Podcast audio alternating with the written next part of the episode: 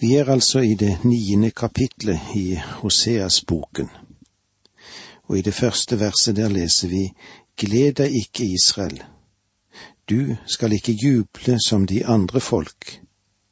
I utroskap har du forlatt din Gud. Du ville gjerne ha horelønn på alle steder hvor de tresker korn. Også i dag er det kanskje blitt slik at vi er blitt forført av overfloden. Men etter hvert har vi kanskje oppdaget at det, egentlig ikke var den velsignelse som vi trodde det skulle ha blitt. Og vi har sannelig fått erfare hvordan aksjekursene beveger seg, og kanskje at ikke det er det viktigste i denne verden. I Israel var det en falsk overflod for de befant seg så langt borte fra Gud. Det forunderlige her er at dommens første fase kom i form av overflod, og han sa, Jeg har gitt dere alle ting, og dere later som om dette bare skyldes deres egen dyktighet. Dere er et stolt folk, og dere fester ikke blikket på meg, eller gir meg ære i det hele tatt. Dette er bildet av Israel, og eh, kanskje er det et bilde òg av den vestlige verden. Gled deg ikke, Israel, juble ikke like som folkene, for du har forlatt din Gud i hor.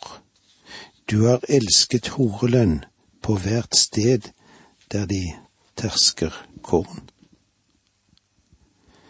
Det vi er vitne til i dette kapitlet, er eh, fangenskapets bitterhet. Det ventet Israel som et resultat av troløshet. Som eh, bortførte ville de ikke lenger dyrke fremmede guder, og eh, det blir slutt på de sensuelle festene. Og det som kommer til å skje, er at alle gleder de vil bli tatt bort ifra de. Livet skulle få en helt annen smak, og det vi vil òg se her, er at kontrasten er viktig. Mennesket, eller hvis mennesket velger det urene, når de kan få det rene, vil det skapes en situasjon der de er nødt til å ete det urene. Hvis de lar være ofre til Gud når de har overflod, vil det så trangt når de kommer i en annen situasjon, og eh, da nytter det ikke å ofre noen noen ting for å holde liv i seg selv.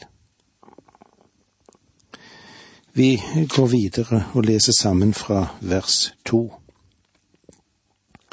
Nå skal ikke treskevollen eller vinpressen gi dere noe, og mosten skal svikte dem. Med andre ord vil det bli mangel i stedet for overflod. Vers tre.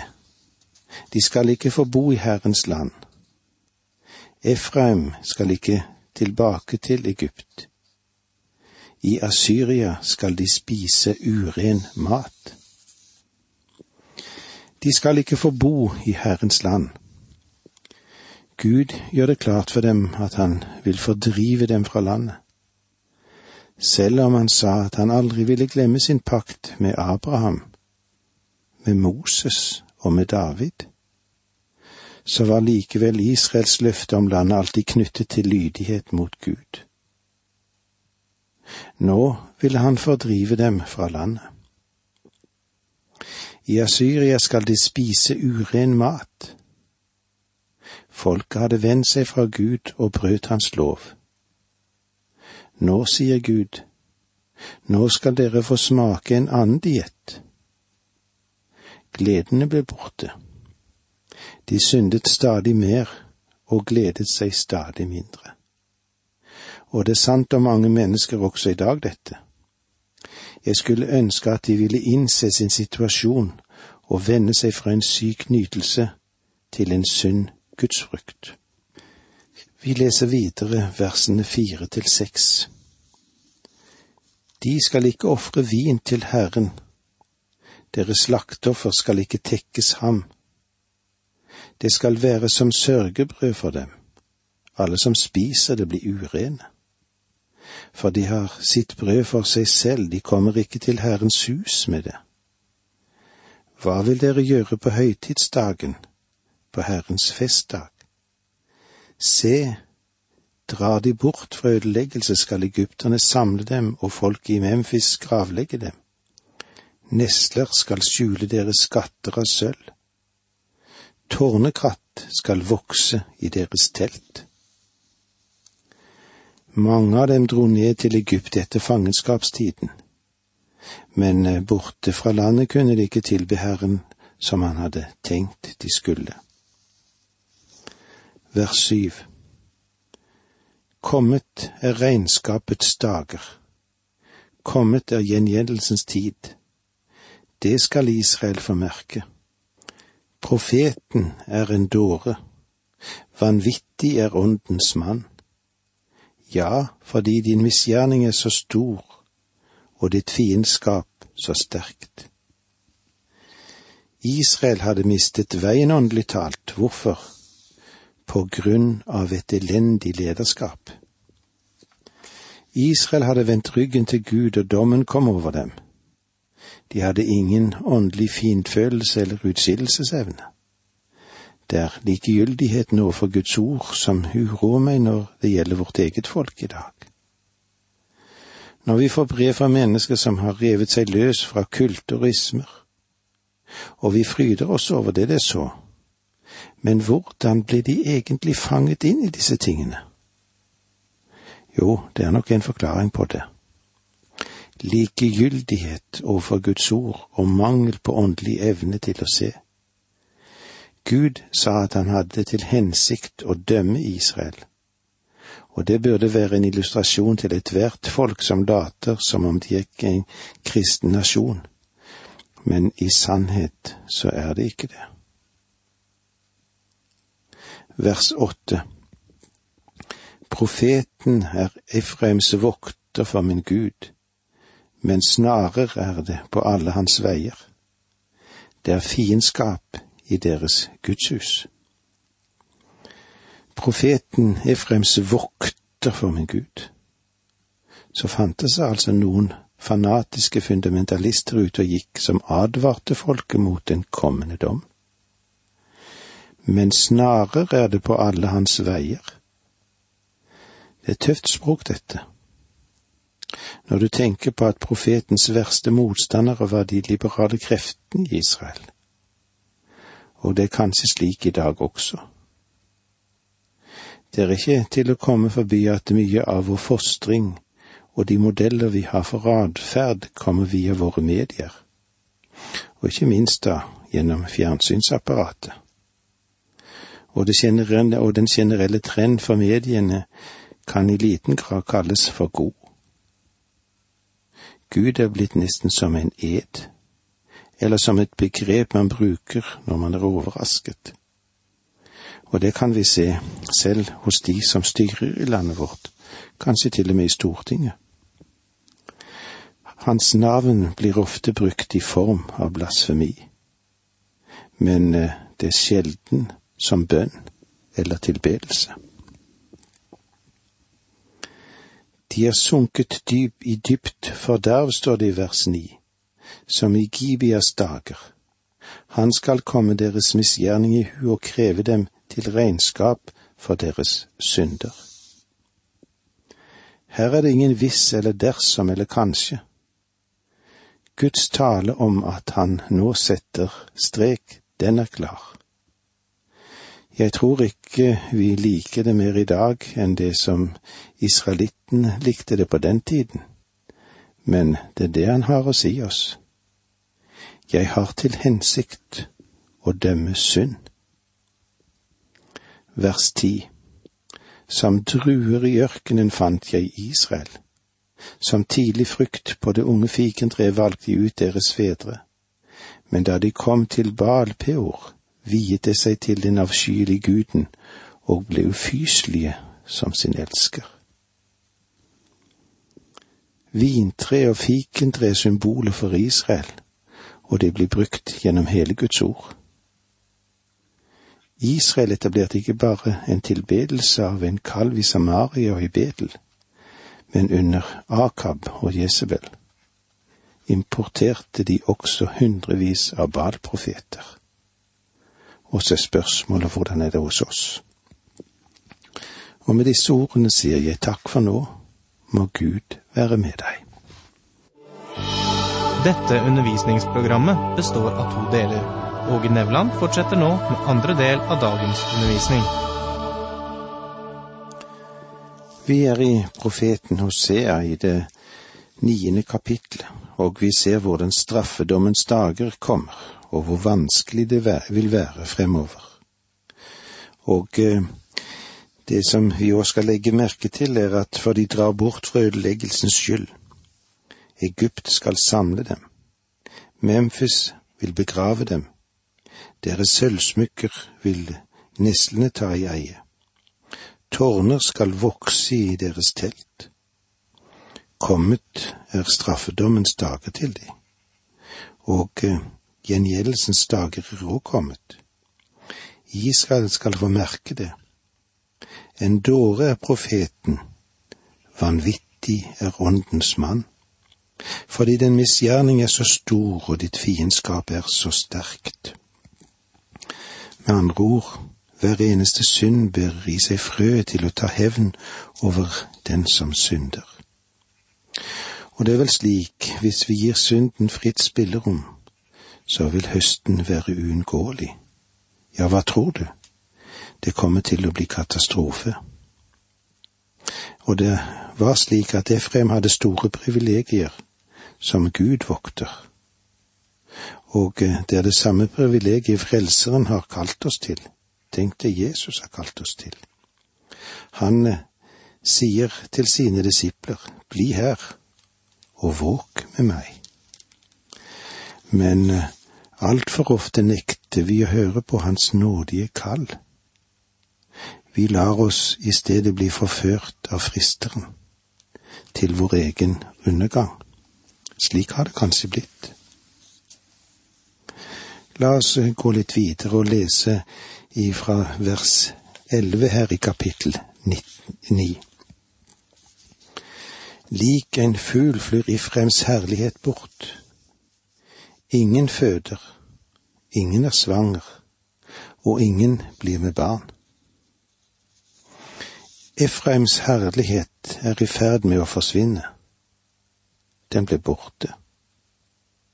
Dette folket hadde gjort et veldig inntrykk på den gamle verden, men nå var deres herlighet i ferd med å fly bort som en fugl og det var intet som sa at de bare var at det bare var et tidsskifte og en ny herlighet ville snart dukke opp. Nei, der fødtes intet nytt liv. Vers tolv Selv om de fostre barn skal jeg gjøre dem barnløse, ja, ved dem, når jeg går bort fra dem. Dette er ennå en dom som Gud vil føre over dem Gud hadde lovet Abraham ikke bare å gi ham landet, men også gjøre hans ett tallrik. Gud hadde sagt at Abrahams etterkommer ville bli som sand på havets bunn og lik stjernene på himmelen. Gud hadde frem til nå stått ved sitt løfte, men nå hadde folket syndet, og han sier, Dette folket skal langsomt, men sikkert dissemineres som er et uttrykk for min dom. Jeg skal gjøre dem barnløse. Det er ikke et uttrykk for at Gud ville utrydde folket fullstendig, men det ville ikke være noen som ville stå for Guds sak. Vers 13 Jeg så Efrem plante i en eng, like trygg som Tyrus men nå må de føre sine barn ut til ham som skal drepe dem. Tyrus er Tyrus. Gud hadde ikke dømt Tyrus, og det var på den tiden et stort sentrum for handel. Dets rikdommer var som en feber, og denne feberen grep Nordriket, som også ble et kommersielt senter. Det var en falsk velferd i landet, og folket ble ført vill ved den. Vers 14 Gi dem, Herre, men hva skal du gi dem? Gi dem mors liv som føder for tidlig og bryst som ikke gir melk. Deres kvinner ble ufruktbare. Det var en del av Herren, av at Herren hadde trukket sin hånd bort fra dette folket. I vers 15 leser vi All deres ondskap er samlet i Gilgal. Der fikk jeg motvilje mot dem. Fordi de har gjort så mye ondt, vil jeg drive dem ut av mitt hus. Jeg kan ikke elske dem lenger. Alle deres førere opprørere.